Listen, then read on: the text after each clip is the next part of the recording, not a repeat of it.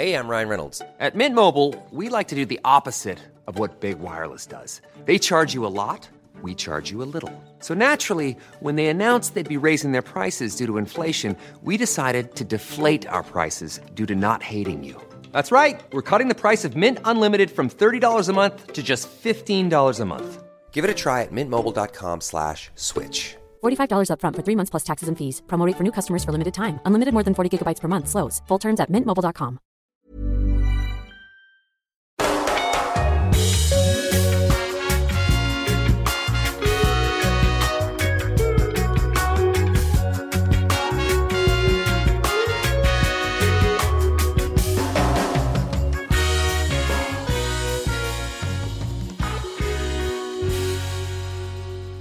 Varmt välkomna till ett nytt avsnitt av eh, den damallsvenska podden. Det känns så himla formellt att börja sådär varje gång. Och eh, nu är jag visserligen ganska varm men eh, den här helgen har ju kanske inte all värmt hela tiden. Eh, det var en ganska blöt helg. Nej, jag, jag lider lite med dig där Anna som var i Göteborg. Jag tänker liksom, hur är det med dig? Har du liksom hur, hur gick det till liksom? Har stått i ett torkskåp under hela söndagen för att återhämta? För det där var ju Alltså det var ju nästan till parodiskt sett i liksom hur planen såg ut, hur mycket det regnade. Man säger alltid att det regnar på västkusten, men det, det gjorde ju verkligen det på alla sätt och vis. Här. Det var ju, när man så följde det då från, från värmen hemma istället så kändes det ju som att man var nästan lite glad att det inte var där, även om det var såklart en toppmatch man verkligen hade velat vara och se live. Så.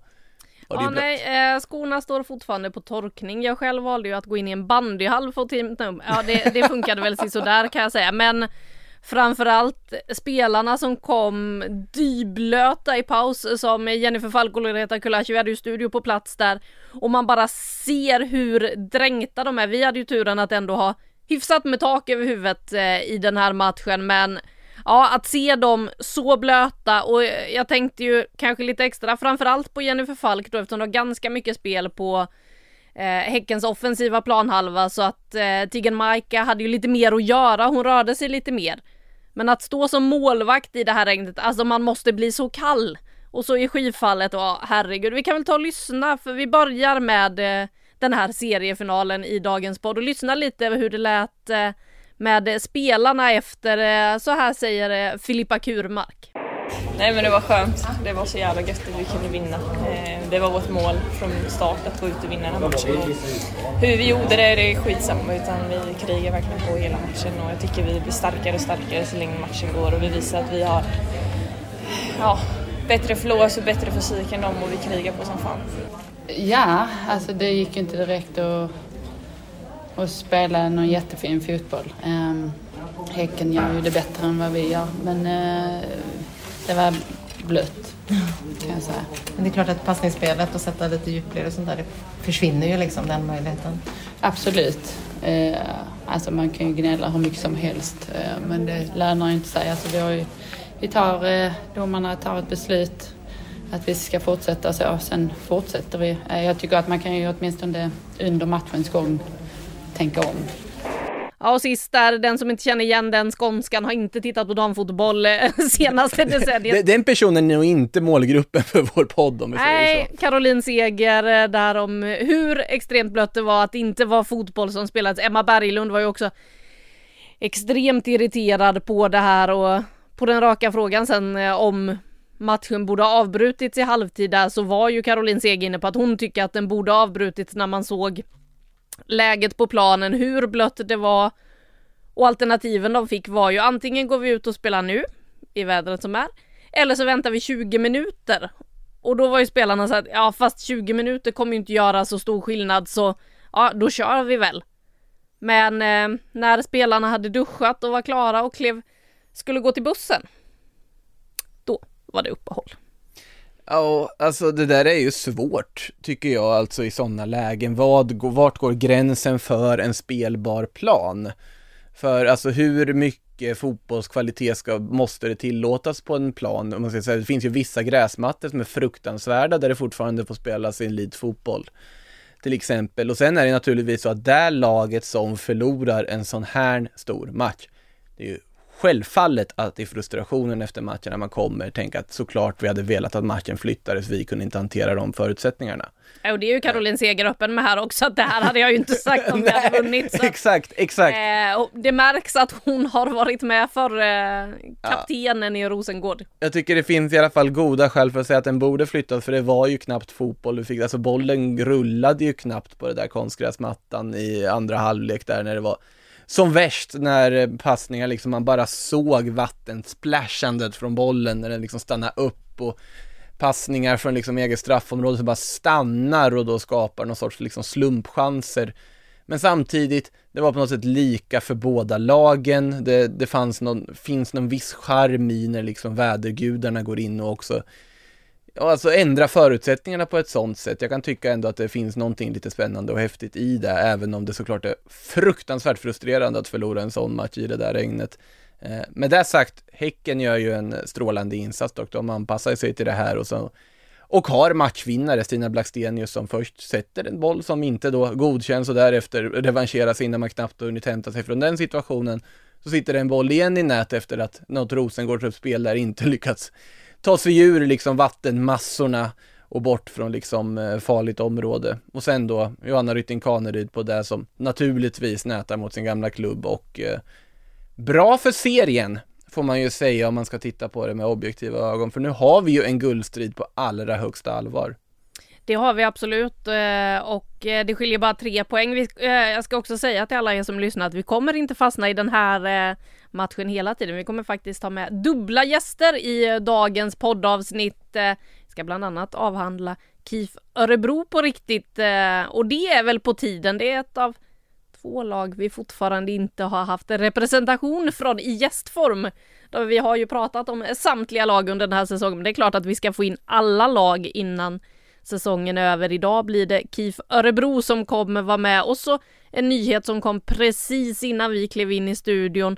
Men mer om det om en liten stund. Vi ska såklart fortsätta prata om, för vi är inte klara med den här seriefinalen än. Den betyder ju så otroligt mycket och som du var inne på Makoto vädergudarna hjälpte ju till att hålla liv i den här serien med eh, det här underlaget som blev och man, där ser man ju det lilla extra kanske hos Häcken i det här läget som eh, Kurmark också inne på att de går in med inställningen kriga, de vet ju att förlorar vi idag så är det kört. Mer ja. eller mindre. Ja visst, på pappret så skulle det kunna gå kanske lösa om eh, Rosengård faller ner i ett mörkt hål och inte hittar upp igen möjligtvis. Men eh, nu ger de ju sig själva förutsättningarna att skapa spänning. De visste hur mycket som stod på spel och pratade ju själva om att det är vi som har pressen på oss. Det här är årets viktigaste match.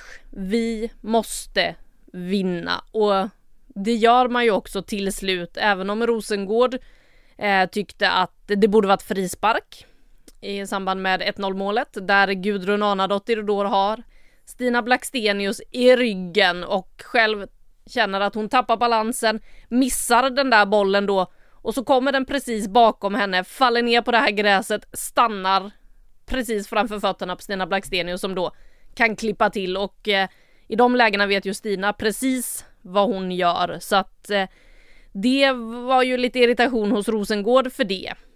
Ja. Jag frågade Gudrun där apropå att domaren i den här matchen hette Sara Persson.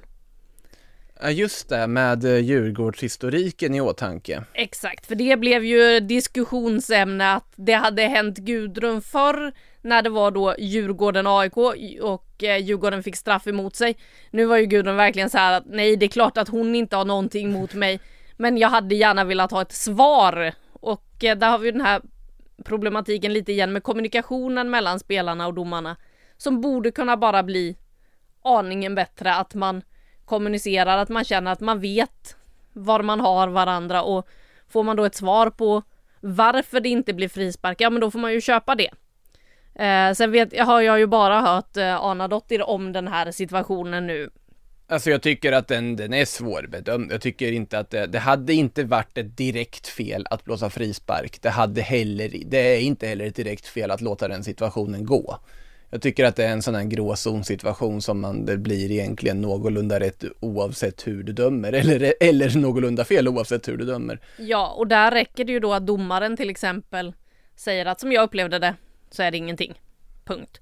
Eh, men det verkar inte ha funnits den kommunikationen riktigt eller så hörde man inte varandra. Det där regnet det dånade ju också ganska kraftigt i den här matchen och jag tycker ju att eh, domarteamet gör en bra match med tanke på all den intensitet som finns. Alla de smällar som blir allt det där man vill ha i en match av den här karaktären. Man vill ju att känslorna ska få finnas där. Sen det som märks i den här matchen, tyvärr då för Rosengård, det är väl att de saknar lite av de här temperamentspelarna, matchvinnarna som Jelena Cankovic satt visserligen på bänken, men hoppade aldrig in, eh, kom gående till arenan utan att halta överhuvudtaget så att Förhoppningsvis ser vi henne på fotbollsplanen snart igen. Det trodde man ju inte efter bilderna förra veckan, men eh, det verkar som att eh, det inte var så allvarligt och att hon faktiskt kommer att kunna spela mer för Rosengård den här säsongen. Och Sanne Trölsgård som ju är en matchvinnare som definitivt kan vara tillbaka nästa match. Så länge hon inte har gått och skadat sig på någon träning eller något vi inte vet och som vi absolut inte hoppas.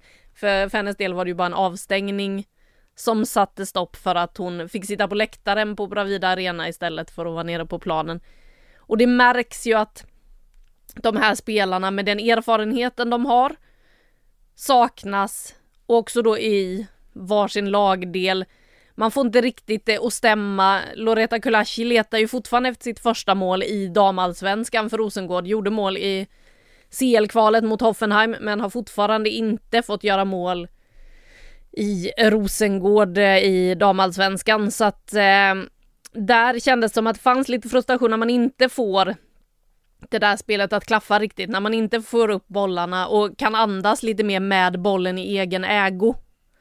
Och så har man då ett vilt kämpande Häcken, kanske mest personifierat av en sån spelare som Filippa Kurmark som ibland var överallt, som aldrig tvekade att gå in i en duell som också var framme mot domaren några gånger och ville ha straff och vad det var. Det fanns så otroligt mycket nerv. Och så då Johanna Rytting Kaneryd som sprang och sprang och sprang, malde ner Katrine Vaje till slut som gjorde en väldigt bra match från sin vänsterbacksposition, kanske framförallt i den första halvleken. Men Rytting Kaneryd sen, när hon får igång det där tempot och ribbträffen först och främst, det kändes ju som hon tog i för ah. kung och fosterland. så skott. skakade den eh, ribban efter. Jag stod inte så himla långt därifrån. För i andra halvlek anföll de åt samma håll som vi hade studion i hörnet så att det är nästan så att det liksom ekade i huvudet det där ekot från ribban som dallrade och sen så fick hon ju in ett mål också inför ögonen på Peter Gerhardsson. Det eh, hatade hon nog inte. Nej, hon lär nog ha avnjutit det ganska rejält, men jag tänker, alltså det är intressant det där just också att också Anna Rytting Kaneryd har det där ribbskottet, liksom kände bara, aj, varför går inte den in, kom igen. Men svara med att revanschera sig att ändå göra ett mål sen. Stina Blackstenius får sitt mål bortdömt, svara med att göra ett mål sen efter. Och det är det som på något sätt är skillnaden när Häcken ger den där extra 10 procenten över de obligatoriska 100. De ger inte upp det här, de är taggade till tusen och bara kör. Och så, precis som du är inne på, Sanne Trölsgård är ju en sån typ av spelare som ställer krav som ja, ibland också sätter lite press på domare och så vidare också, vilket också är en aspekt man inte ska underskatta i en sån här stor match och att hon saknades tycker jag märktes såklart också att Jelena Cankovic rent fotbollsmässigt saknades också. Eh, och sen det fortsatta problemet att de har haft svårt att hitta den här självklara centerforwarden, den självklara målskytten. Mimmi Larsson har inte riktigt kommit igång och dessutom skadeproblem här. Eh, Loretta Kulashi som du var inne på väntar på första målet i Rosengårdströjan i seriespelet.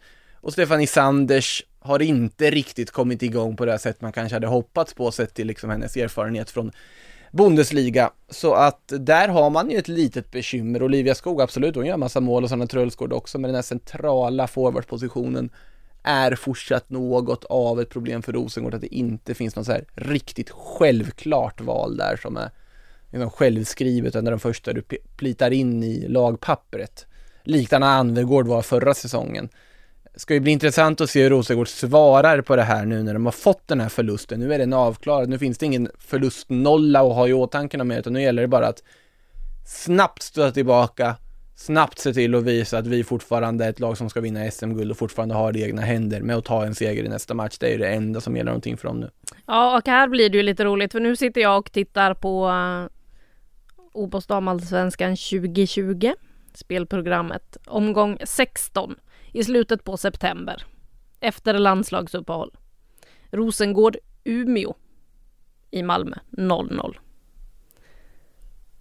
Efter det 3 oktober, alltså samma helg som vi nu har varit inne i. Linköping-Rosengård 2-2. Och sen då i omgången efter Rosengård-Kristianstad 1-2. Det är ju där som guldet ryker. Dessutom följs det då av Vittsjö-Rosengård 1-1 innan nästa landslagsuppehåll. Det här är matcherna som spelades i oktober. Något som Johanna Rytting Kaneryd eh, gärna påpekade. Hon var ju i Rosengård då och pratade om hur tufft det var att hamna i den här svackan. Det gäller ju för Rosengård nu då att man inte upprepar det här, att det inte blir så. Och då måste man vinna till helgen. Man måste studsa tillbaka nu så att det inte blir det. Och vad väntar då? Linköping. Ett Linköping spelar helt utan press just nu ska sägas, helt utan förväntningar kanske var elakt att säga. Men när man nu blev överkörd av, eller överkörd, man spelar ju helt okej i den här matchen, men man får inte in bollen i mål. Men däremot Vittsjö gör mål på allt som går att göra mål på, de gör det vackert med liksom långskott från 30-40 meter.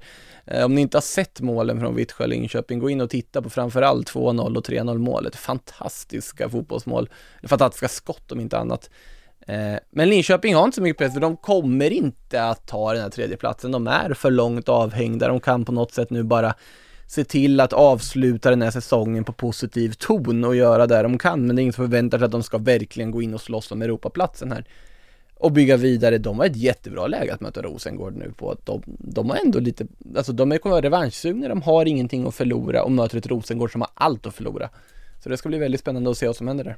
Och eh, det som var matchen eh, på hösten i fjol, det var ju visserligen då Linköpings hemmaplan som den matchen spelats på, men det blev ju en grinig tillställning det där, där Linköping gick in för att störa Rosengård, något som båda de här två topplagen, alltså Rosengård och Häcken, pratar en del om ibland att det motståndarna vet när de möter oss, det är att ett sätt att få oss ur balans, det är att försöka ta sig in under skinnet på oss.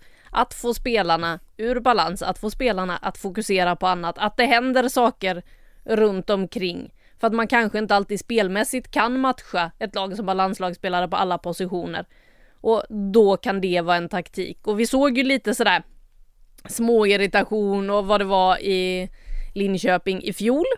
Vi vet att det är ett lag som kan utnyttja det där och i sådana här lägen är ju det positivt för det egna laget. Frågan är då hur Rosengård hanterar det, om det nu blir en sån matchbild. Nu lär ju Rosengård vara rejält revanschsugna, vill inte tappa poäng för tredje matchen i rad. Man var ju väldigt glada innan över att man kunde säga att vi har i alla fall inte förlorat än. Det fanns ju en nolla i Rosengårds förlustkolumn. Det gör det inte längre.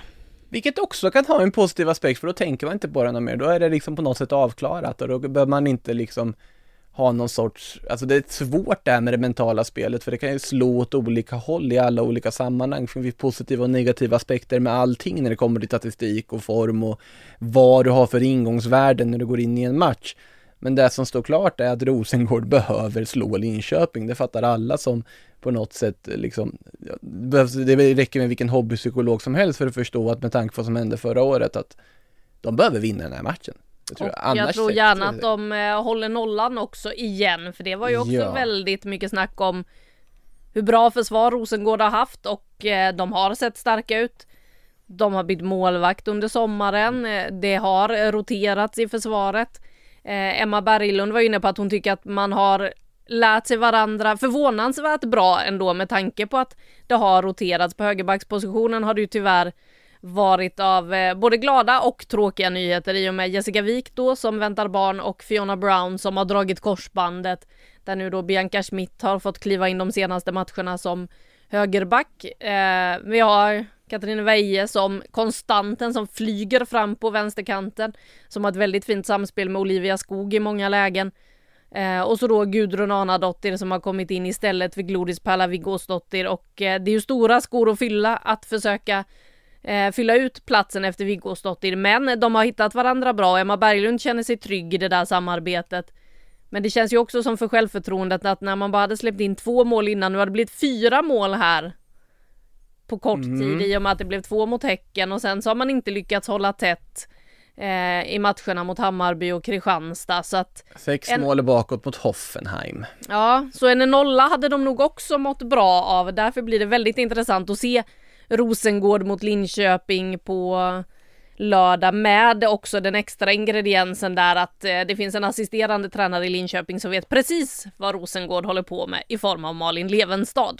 Det finns det också. Och eh, det är ju ett, alltså tränare, jag tror André Jäglert med tanke på den kunskapen, han har ju erfarenheten också superkoll på det mesta i den här serien. Och Levenstad naturligtvis som ju spelat med de flesta av de här spelarna som nu har det ju hänt lite i Rosengård sedan dess också naturligtvis, men likväl, det är ju en klubb hon har järnkoll på på alla sätt och vis, så att eh, Ja, och det är ju ett lag som har lyckats eh, taktiskt analysera sönder Häcken tidigare den här säsongen. Det är Linköping som lyckades med det på bortaplan i början av serien. det var då Kristoffer Bergström tog ut ett helt Linköping-försvar i veckans elva va?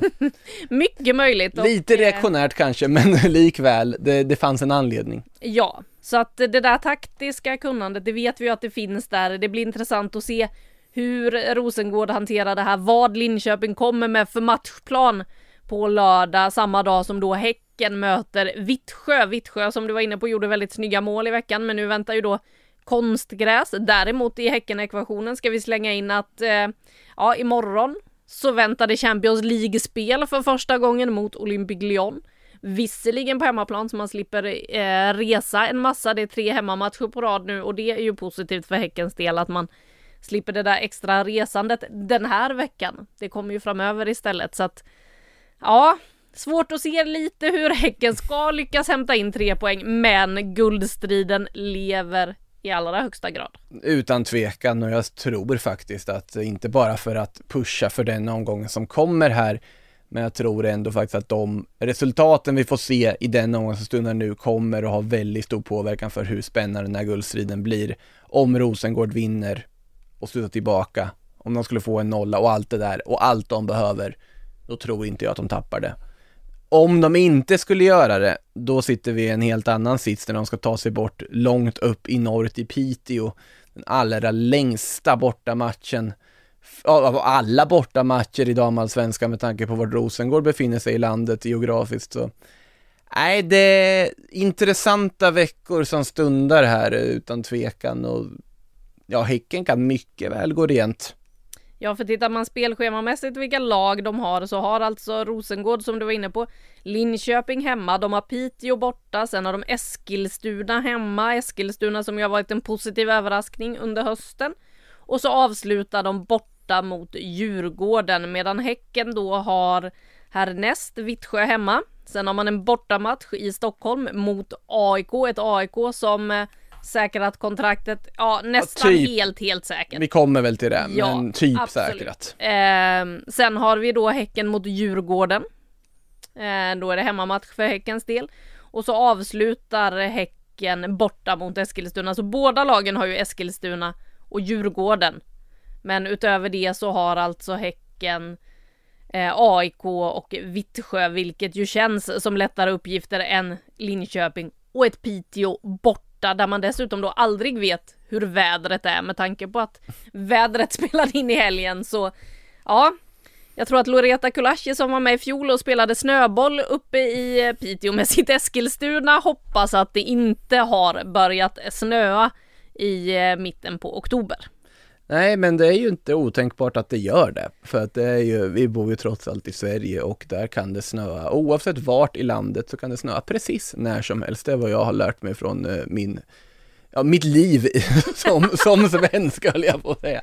Ja, ditt liv som svensk, det, Exakt, exakt. just det kanske vi sätter punkt för där och så går vi vidare. Vi lämnar väl toppstriden med det och så kan vi väl ta Eskilstuna då som vi nämnde här i förbifarten som alltså ligger trea som har kopplat ett ganska bra grepp om De har nästan börjat skriva namnen på biljetterna till Champions League-kvalet efter att eh, kört över Djurgården 3-1 till Eskilstuna. Ja, de har ju skapat ju massvis av chanser här också och vinner ju välförtjänt. Djurgården som dock får första ordet i den här matchen. Stökig situation, måste man minst sagt säga, när Kila van den Bulk till slut väldigt vackert också liksom lyfter in bollen, men det var ju fullkomlig kalabalik där efter en inläggssituation, trassligt värre. Men Eskilstuna suttar ju tillbaka och det är ju såklart att Mia Jalkerud gör mål mot Djurgården. Eh, hon sa ju det också både efter matchen och liksom eh, innan där att jag är så glad att den här matchen spelas på Tunavallen och inte på Stadion. Och man kan ju såklart diskutera att hon väldigt, väldigt glatt firar det här målet. Men på något sätt, hon sa ju det själv att äh, det var så viktigt 2-1 mål så jag blev så glad. Alltså, är ju det hon har sagt där till, eh, var väl till TT hon sa det efter matchen. Eh, och på något sätt också så är det ju också en, handlar ju också lite om respekt till dina egna fans. Hon har ju visat att även om hon har varit väldigt öppen med att hon har ett Djurgårdshjärta och det fattar ju alla med tanke på vad hon har gjort för den klubben och hur mycket tid hon har lagt på den klubben och hur många år hon spenderade där. Så är det fortfarande så, nu spelar hon för Eskilstuna, är fullkomligt committed till att spela i Eskilstuna, då blir det så att då blir det nästan lite oartigt att inte jubla över ett mål på hemmaplan som är så pass viktigt för deras Champions League-chanser som det här målet faktiskt var. Och sen jättefint avslut av Felicia Rogic som fastställer slutresultatet där. Så. Skönt för Eskilstuna att få den tre poängar särskilt med tanke på hur andra matcher urartade sig under eh, den här omgången. Och det som gör att jag tror att Eskilstuna i princip den här omgången faktiskt också säkrade tredjeplatsen, det är att jag ser inte de andra lagen bakom gå rent. Ja. Nej, och de andra lagen har ju börjat få grus i maskineriet. Ja, de, de har haft har... ganska rejält grus i maskineriet på sista tiden överlag kan man ju säga. De som har, är där bakom. Men vi, ska, vi, vi kommer till dem, vi ska prata om vad som har hänt där. Men så var det ju det här med en nyhet som kom precis innan vi klev in.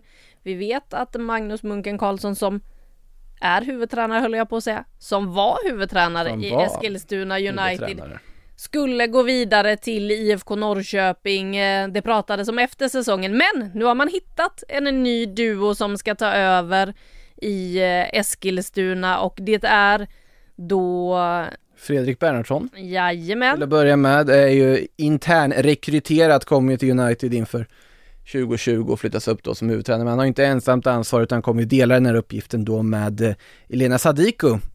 Som vi hälsar välkommen tillbaka till svensk fotboll och välkommen in i den damallsvenska podden. Elena, hur är läget?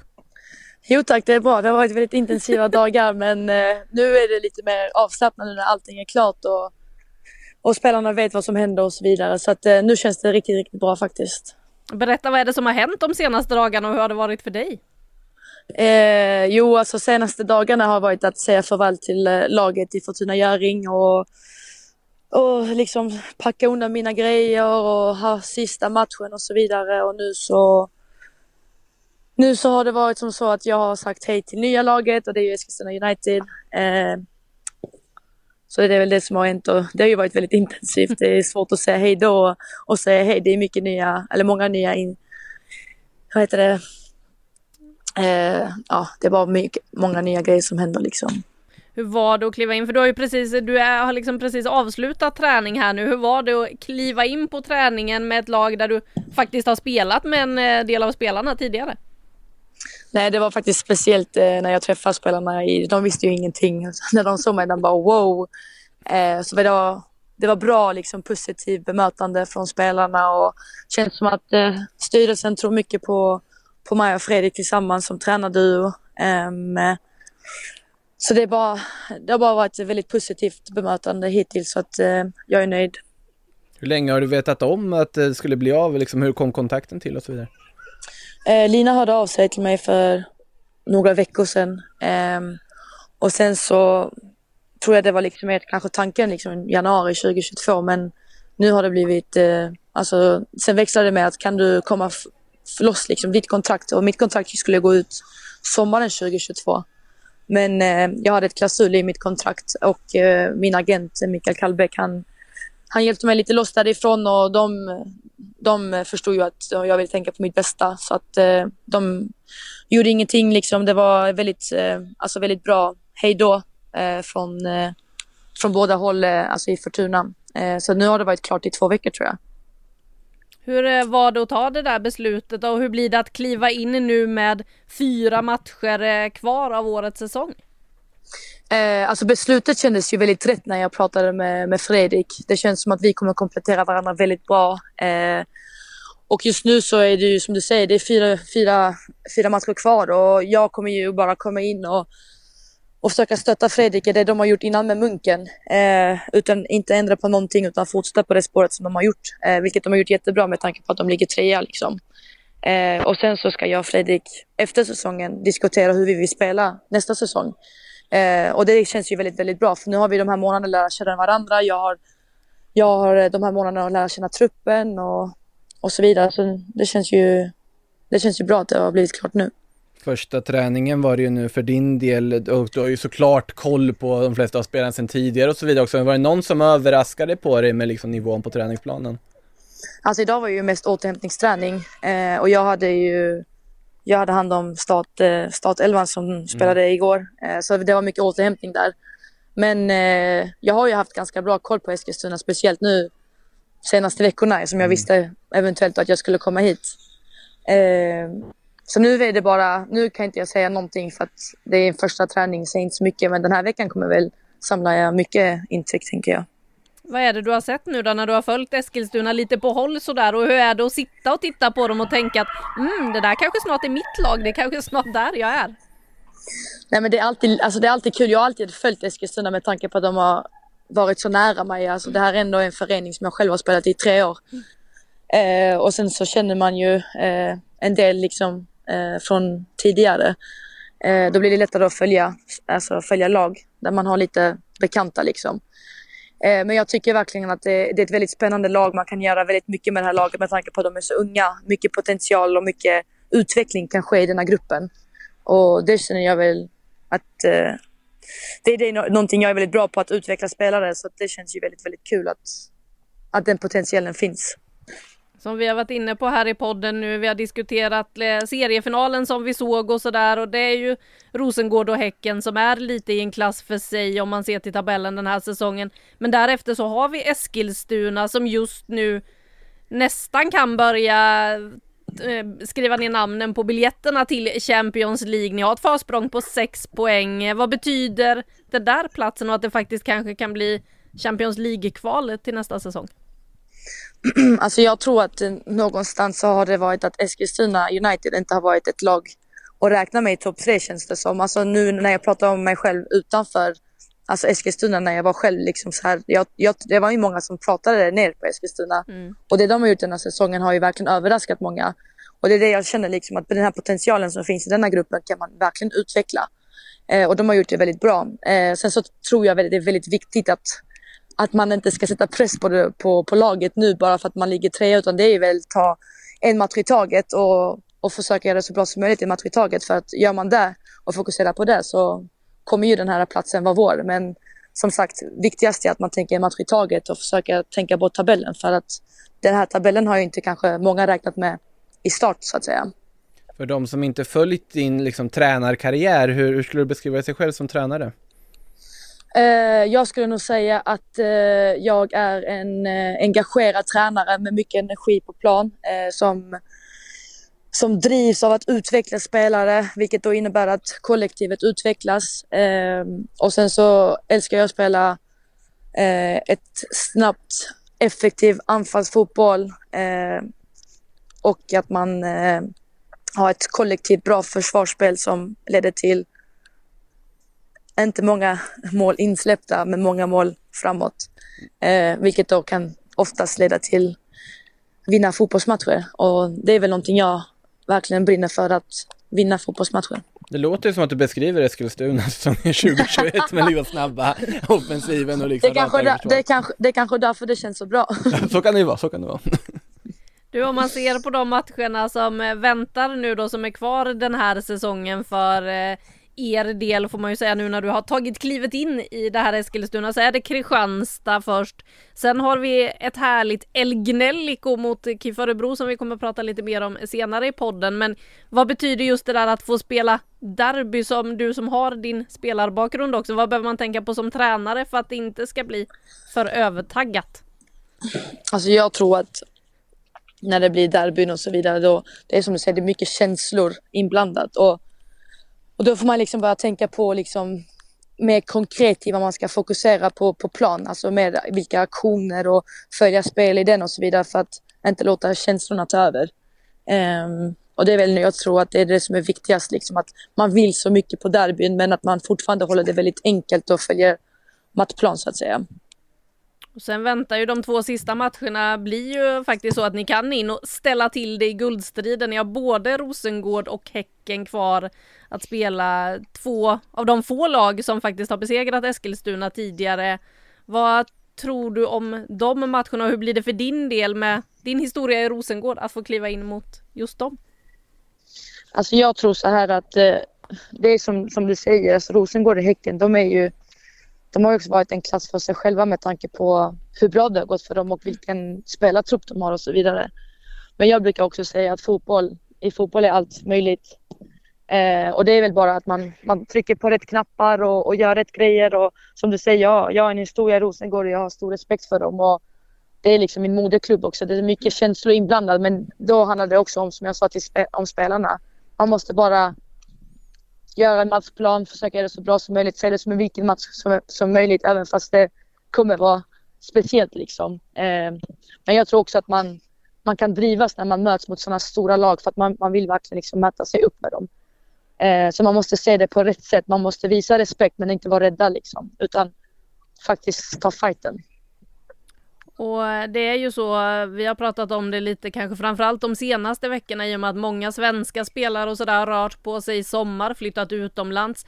Du kommer nu då tillbaka från Danmark. Vad säger du om damallsvenskans status och vad behöver man göra i svensk fotboll liksom för att damallsvenskan ska fortsätta kunna vara konkurrenskraftig och att det inte bara är vissa lag som springer ifrån? Så jag tror, jag tror att det är viktigt i damallsvenskan att man, man skriver ju längre spelarkontrakt mest mm. för sig själva liksom att, att hålla kvar spelare i, i, alltså i ligan, eh, i sina klubbar men också att man tjänar på det liksom att om, om en klubb utomlands vill köpa en spelare då, då kan man köpa in nya spelare så att det blir liksom att jag tror att det här med att eh, alltså skriva längre spelarkontrakt är, är nyckel i, eh, i att försöka alltså, hålla kvar spelarna i den här ligan. Men också för att kunna ha resurser till att köpa in nya spelare som är väldigt duktiga. Mm. Eh, och sen så tycker jag ändå att eh, om man jämför med Danmark så är ju Sverige en klass, en klass, en två klasser bättre med tanke på att det är 12 lag, snart blir det 14. I Danmark är det bara 8 lag. Sen blir det en ny serie, då blir det bara 6 och man möter varandra väldigt många gånger.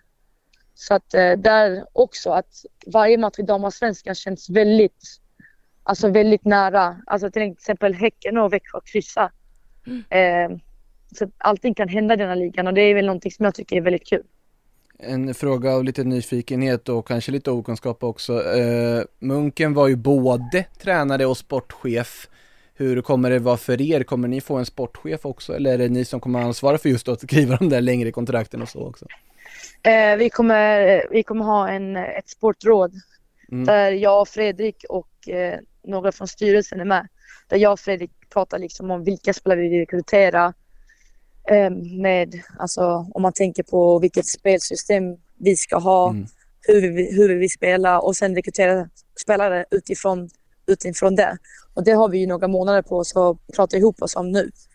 Eh, om vi tänker inför nästa säsong liksom. Och sen så försöker vi rekrytera spelare men vi pratar inte kontrakt utan det är de det är Lina, Ricky och en annan från styrelsen som gör det. Katja tror jag hon heter. Du är då var tillbaka nu då och haft första dagen på jobbet. Vad sa du? Hur är det att vara tillbaka i svensk fotboll nu då och haft den här första dagen på jobbet? Det känns faktiskt väldigt, väldigt roligt. Alltså det känns... Jag är så här också, jag älskar ju fotboll så mycket så att allting för mig känns väldigt naturligt. Eh, det känns liksom som att okej, okay, det känns ju lite konstigt för att jag har helt nya spelare framför mig. Men samtidigt så är jag så driven av och har så stor passion för, för, denna, för denna sport att det blir ju liksom att jag fortfarande jobbar med det jag älskar mest. Eh, och det är det jag verkligen älskar att göra. Så att för mig är det bara så här riktigt kul att vara här.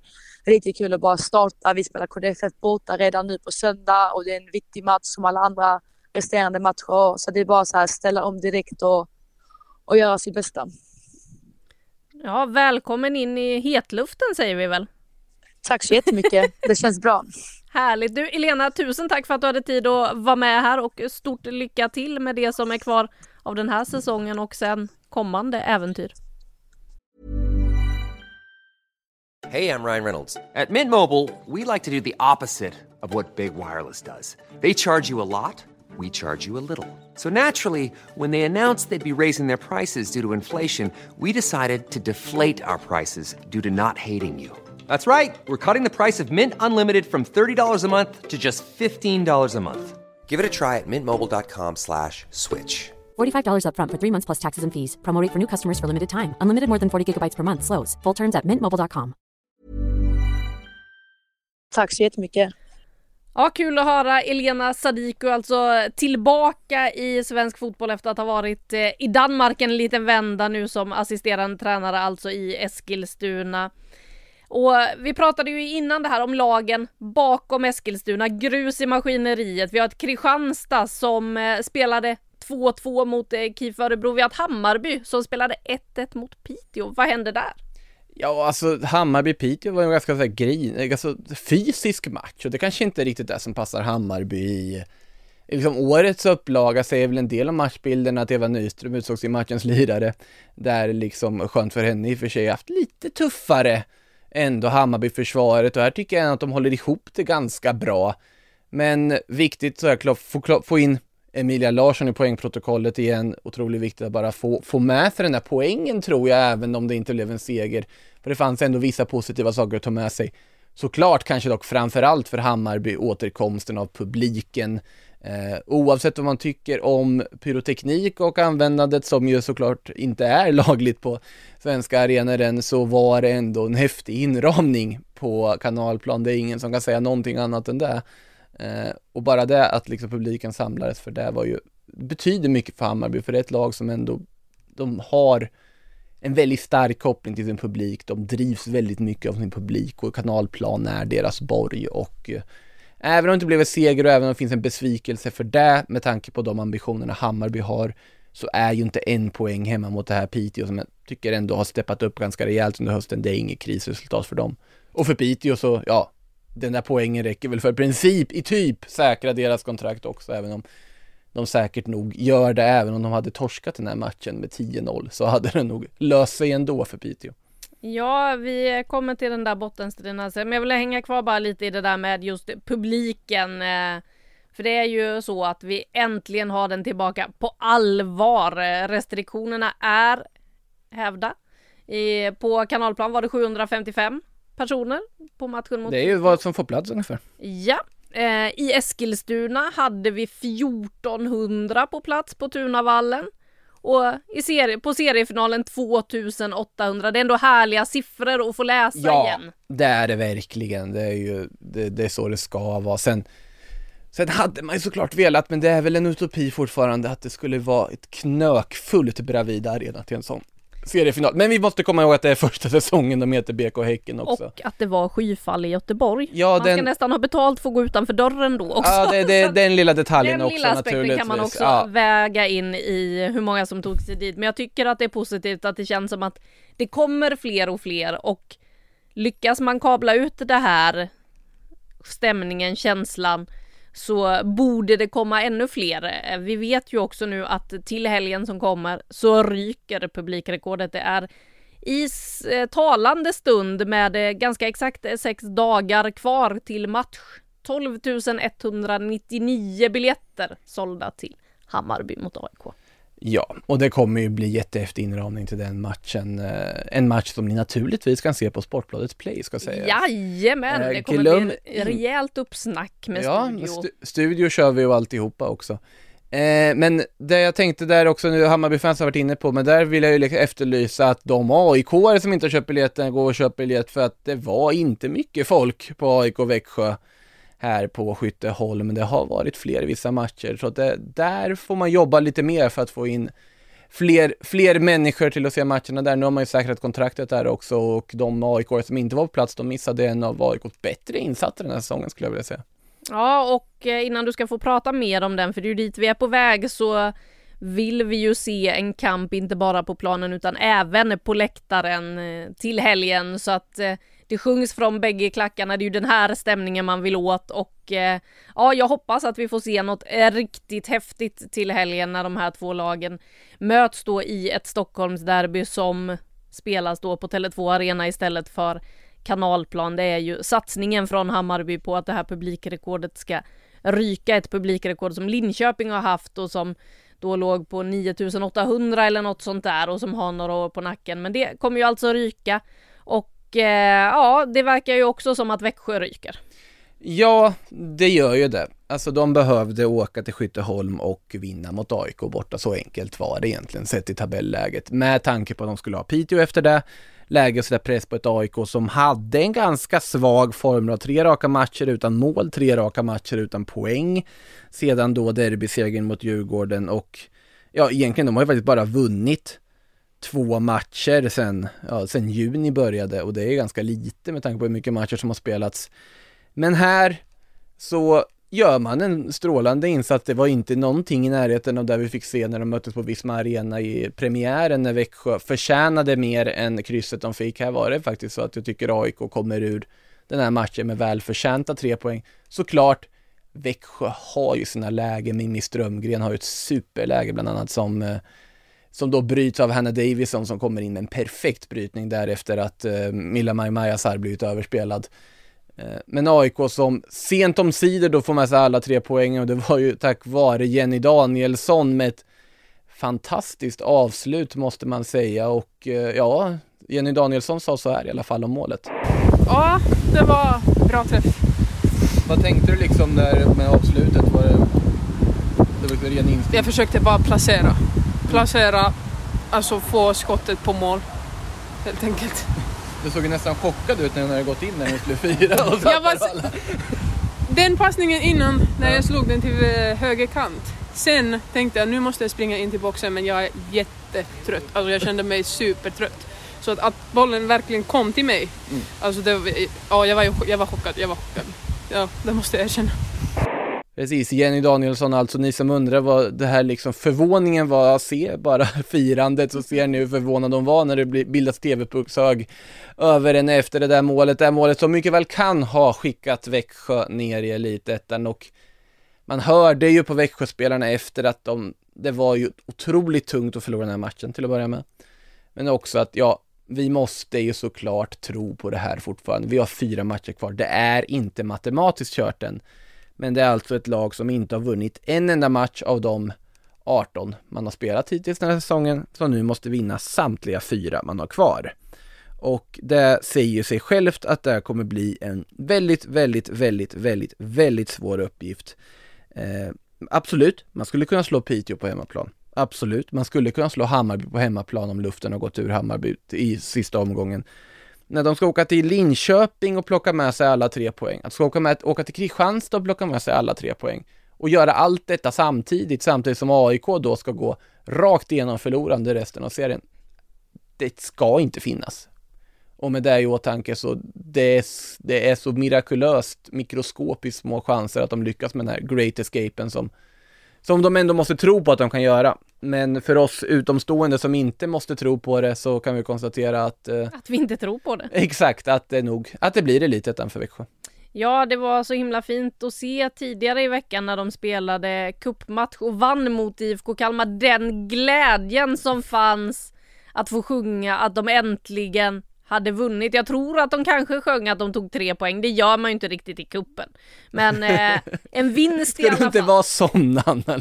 Nej, bara den glädjen. Det var så härligt att se och därför kände jag lite att nu kanske det är proppen ur. Nu kanske man får mm. det att stämma mot AIK, men så lyckas man inte ändå och nej, då är det svårt att se hur man ska lyckas med det här. Nu är det ju så att vi har pratat om nästan alla lag känns det som, eh, men eh, jag lovade ju att vi skulle prata om KIF Örebro. Och då välkomnar vi KIF Örebros Nathalie Hoff Persson till podden. Eh, hur är läget med dig? Det är bra. Det rullar på här, vi har träning idag. Så det är bra. Härligt. Du, ni har ju definitivt eh, säkrat kontraktet eh, i den här serien nu. Eh, vad är det för känsla inför omgångarna som är kvar? Eh, nej men det är en bra känsla. Vi har haft en bra period, eh, presterat bra och tagit med poäng senaste så att eh, känslan är väl att vi kan vinna eh, alla matcher som är kvar egentligen eh, och klättra högre så att eh, det siktar vi på. Det var ju dramatiskt här nu senast, eh, minst sagt, med ja. sent mål och så vidare. Hur var det, hur viktigt är det för liksom laget och moralen att liksom få en sån upphämtning som ni fick? Nej men det är viktigt inför alltså, framtida matcher att veta att man kan ta, ta igen, eh, även om man ligger under, att man har den känslan inom laget att eh, vi kan göra mål och komma tillbaks. Eh, så det tror jag är otroligt viktigt för, eh, ja, med förekommande matcher. Som du var inne på, ni har ju plockat en del poäng eh, senaste tiden, kommit in i en positivare trend än vad det var där ett tag i mitten på säsongen eh, där det var mm. ett helt gäng förluster och så mitt i allt det där ett oavgjort resultat mot eh, Rosengård. Hur var den perioden egentligen? Nej, men det var en tuff period. Eh, som sagt, eh, vi hade, ja, jag tror Jenna var avstängd och mm. vi hade lite skadade som har kommit tillbaks nu i höst och Sen tror jag också vi var många nya, eh, ny tränare, nytt spelsätt och i början kanske man ja, går på det nya bara och så kommer det kanske en liten dipp för att ja, man känner inte varandra riktigt och eh, så att, eh, men den är förbi så det är skönt. ja, hur svårt är det där med liksom ett nytt gäng, ny tränare? För vi pratade ju om det lite när vi har pratat om er, framförallt inledningsvis på säsongen, att man inte riktigt visste vad ni hade er. Ibland så var det superinsatser och sen så kom det bottennapp, liksom det var svårt att få grepp om er. Kände ni likadant eller hur svårt är det när man är ett helt nytt gäng sådär? Nej men det är svårt. Man ska, ja men dels med ny tränare också, eh, nytt spelsätt som man ska komma in i och man ska lära känna varann, vad man har för kvaliteter och, och vad man vill och är bra på. Och, så att, och sen är vi många unga också och det mm. spelar också en stor roll att det men det kan gå lite upp och ner. Eh, så det är väl det. Eh, men eh, nu som sagt så känner vi varandra bättre och hur vi vill spela och vi går väl mer åt samma håll i tänk och, och allting. Så att det är väl det som har gjort att det går bättre nu på hösten också. Man får ju liksom en känsla utifrån här att ni verkligen alltså ganska tydligt har en långsiktig idé här också nu när Rickard fick förlängt med kontraktet som tränare och så vidare. Du som, det är ditt andra år i klubben, skulle du säga att det ändå är en skillnad i hur klubben tänker den här säsongen och att det känns som att det finns en mer liksom långsiktig plan för saker och ting? Ja men det tror jag, eller den bilden har jag som att vi vill liksom få in mer kontinuitet inför nästa år och, och bygga vidare på det här snarare än att köra nytt igen och att Rickard stannar är ju Nej, men visar ju det tydligt som du säger att eh, vi vill bygga vidare på det här nu. Eh, så att det är bara positivt. Det, I damallsvenskan är det ju ofta ett problem att det är många som bara skriver de här korta kontrakten, att man ser en säsong i taget och sådär. Hur ser du som spelare på det just kring möjligheten att bygga långsiktiga planer kring vad klubbarna vill och vad man kan ta med sig från säsong till säsong? Ja, men det blir ju svårt att bygga på något med korta kontrakt, så är det ju. Eh, så att det tycker jag är en nackdel och i alla klubbar egentligen, eh, inte bara för KIF att man skriver lite korta kontrakt men det är väl kanske också individuella val som spelare att man väljer att skriva kortare med ny klubb för att känna av läget. Så att eh, ja, det är väl en blandning med vad alla vill individuellt och klubbar kanske. Men mm. eh, det är ju såklart bättre med, med längre för då vet man vad man har att bygga på istället för att behöva börja om. Och, så att eh, längre kontrakt hade varit positivt, tror jag. Alltså en spelare som inte vad det verkar kommer vara kvar hos er nästa säsong är ju Cecilia Runarsdottir, målvakten som ändå var väldigt hypad för sin talang inför säsongen och visat prov på det också under säsongen. Du som ser henne dag ut och dag in på träning, liksom vill, hur stor talang är det där egentligen? Eh, nej, men hon är duktig. Nu är inte jag någon målvakt speciellt. nej, i och för sig, i för sig. Det, det, ligger det är väl mer också. att man eh, ser om de gör något bra eller inte. Men, eh, nej, men hon är duktig. Hon, alltså hon gör räddningar som är liksom som man tänker så här, shit vad bra. Och sen så kan väl inte jag säga mer om det. Hon är duktig där. Hon, hon är ung och hon har ju längden och storleken och absolut talangen så hon kan absolut gå långt utan att jag är någon expert. Men jag tycker hon är duktig. Det är hon. Och sen, eh, du nämnde ju Jenna tidigare som eh, missade det fem matcher där på grund av den här avstängningen hon fick och tillbaka nu, gjorde ju mål här senast. Eh, Känns ju som en riktig vinnarskalle, om det är även på liksom träningsplanen skulle du säga? Eh, Ja men det är hon. Eh, Jo men det är hon. Hon eh, vill vinna så är det och hon har eh, bra attityd där. Jag gillar ju det. Även om det är träning eller vad det är så är det alltid bra med spelare som vill vinna liksom. Så att eh, ja, det är bara bra. Det blir lite kan bli lite arg på träningarna men det ser inte jag som något negativt. Hur viktigt är det att ha fått tillbaka henne i spel också? Nej men det är viktigt. Hon, är, hon har erfarenhet, hon är duktig, hon har sin, sina spetskvaliteter och kan vara avgörande för oss. Så det är jätteviktigt att ha henne tillbaks. Eh, är det. I den här podden så har vi pratat en del om vad som man ser i svensk fotboll nu för tiden och vad som händer med damallsvenskan. Dess position liksom när de här stora ligorna rustar men också när en sån liga då som ses som amatörer som den i Italien. Ni har ju tappat Karin Lundin dit. Hur ser du liksom på den utvecklingen som sker utanför Sverige och vad har damallsvenskan egentligen för status hos er spelare? Eh, nej men damallsvenskan har alltid varit en bra liga. Eh, så är det, vi är en jämn liga, många bra lag om man jämför kanske med Italien som har några få väldigt bra lag som det sett ut alltså nu senaste åren. Eh, men som ni säger, de rustar upp och satsar mer och jag tror att vi måste hänga på där för att ja, men kunna göra någonting i Champions League och ute i Europa för att, att de damallsvenska lagen ska ja, men kunna matcha det som de håller på att byggas upp nu. Så eh, där tror jag vi måste steppa upp eh, snart för att kunna hänga med. Tror jag. Är du själv sugen på ett eh, proffsäventyr ute i Europa? Jo men det är man väl. Eh, Utan att säga mer om det, men det hade varit kul. Hade. Har du haft någon kontakt med liksom Karin efter när hon drog till eh, Fiorentina? Ja, nej men vi är, vi är jättenära så att vi har kontakt ofta. Så det har vi. Hon har inte sagt, eh, men kom hit och häng med mig i Florens nu då och sparka Oj, vad hon jobbar på det. Nej, hon trivs bra så det är kul. Ja, hur ser du på det att det helt plötsligt finns fler valmöjligheter kanske också för liksom kvinnliga fotbollsspelare att ge sig ut och få de här äventyren som kanske inte erbjöds då för en sådär tio år sedan när det var en del som flyttade över till USA men det kanske inte var jättemycket mer som fanns. Nu finns det ju otroligt mycket valmöjligheter med alla ligor som rustar.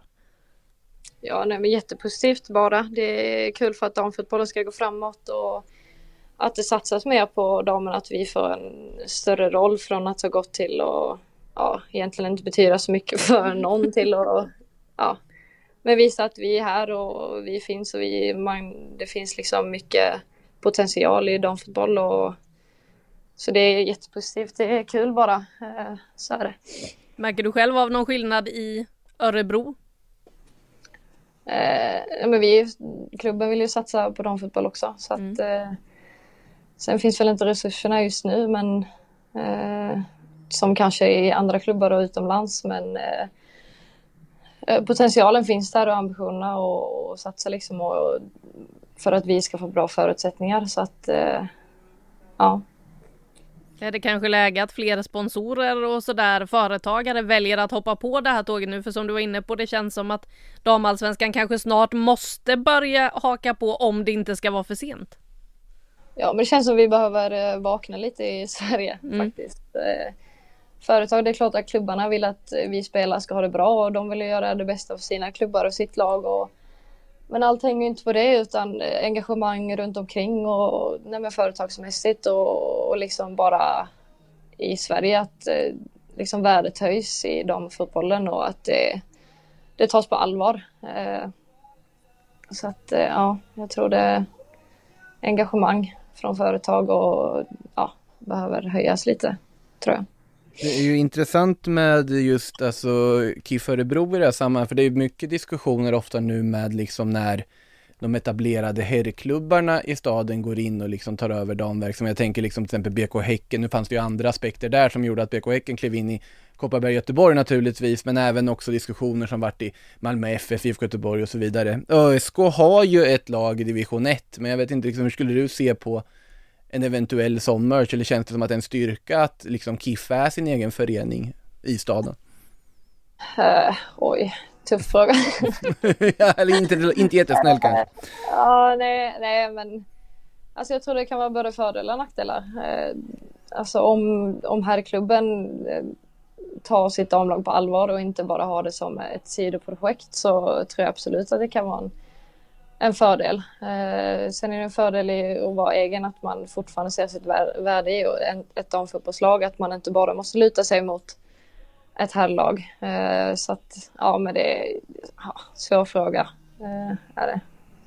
Nej, men det känns ju som det var lite så förr där att eh, damlagen var sidoverksamheten som du är inne på, för vi såg ju förr då när till exempel ja, Rosengård som gick via att vara LDB. Det var ju Malmö FF eh, back in the days, men det fanns ju anledningar till att det inte var kvar. Vi hade samma i Växjö där Växjö DFF en gång, eller fotbollslag där det var Öster. Eh, tror du att det kan bli skillnad på det där att man faktiskt eh, börjar inse att det är värt att satsa på damerna på ett annat sätt än då kanske i början på 2000-talet?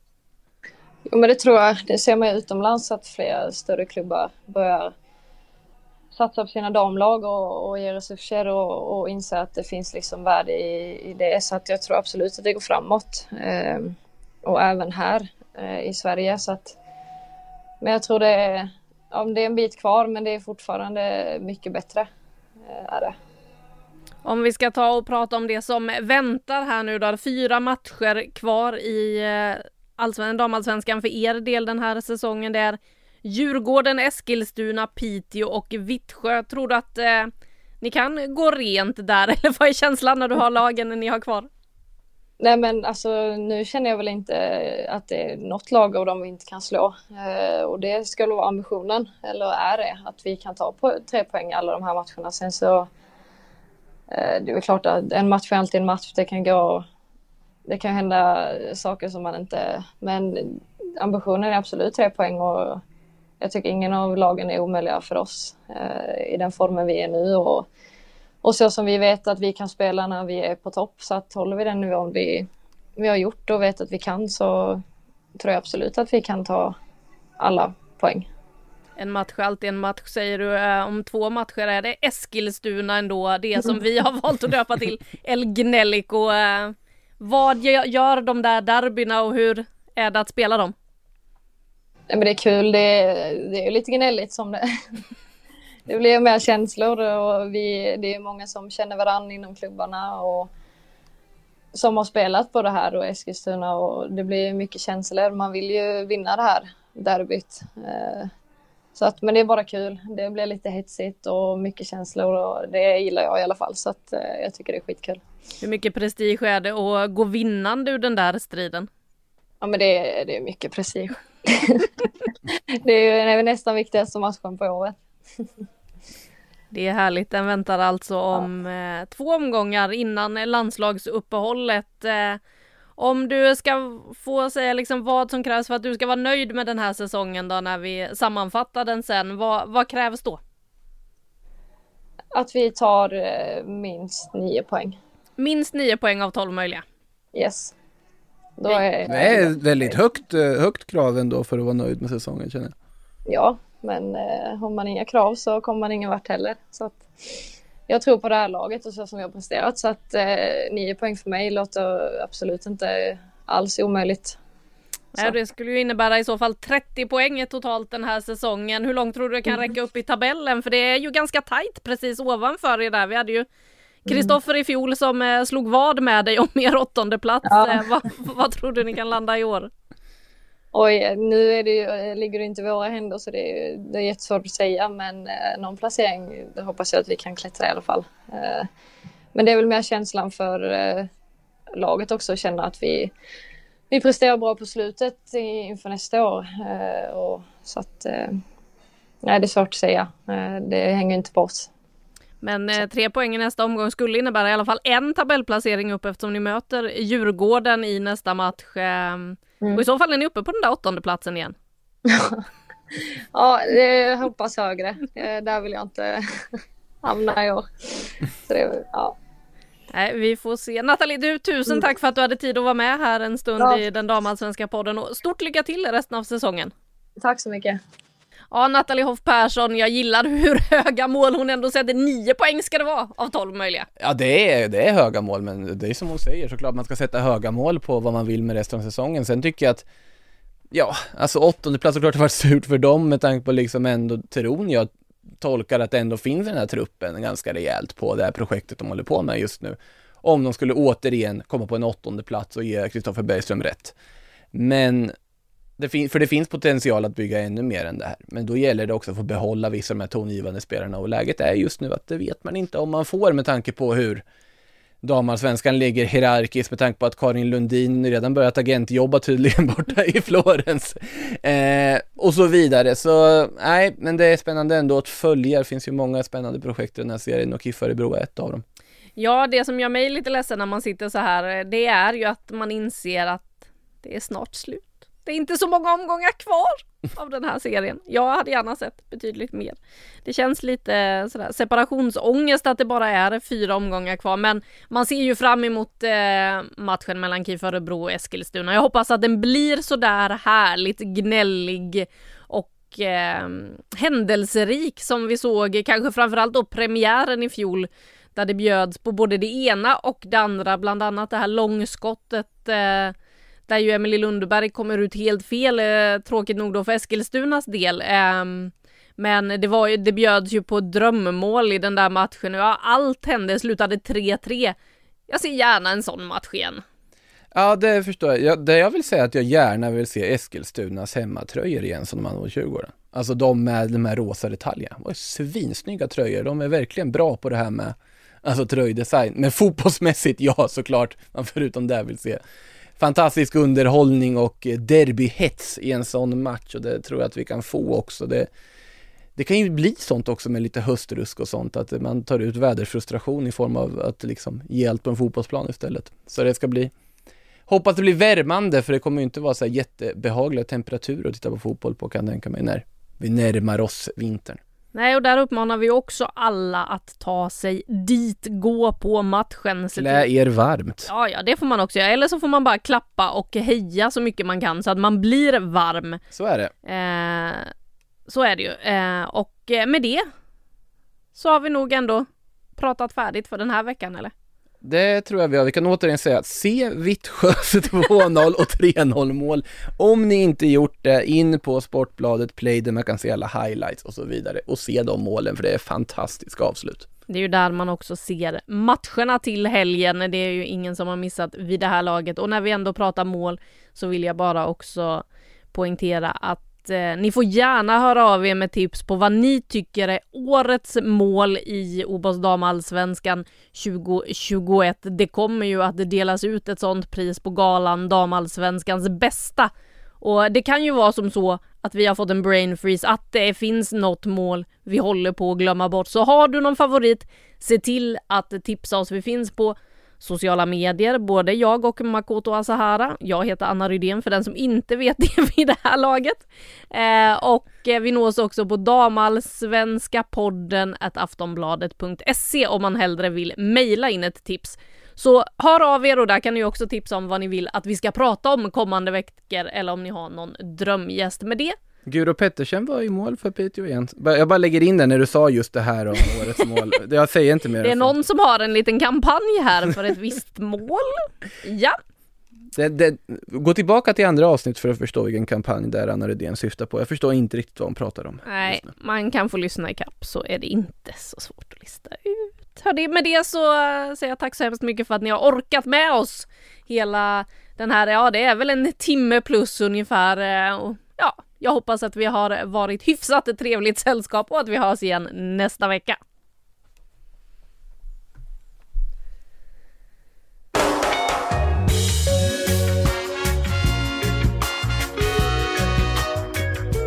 Du har lyssnat på en podcast från Aftonbladet. Ansvarig utgivare är Lena K Samuelsson.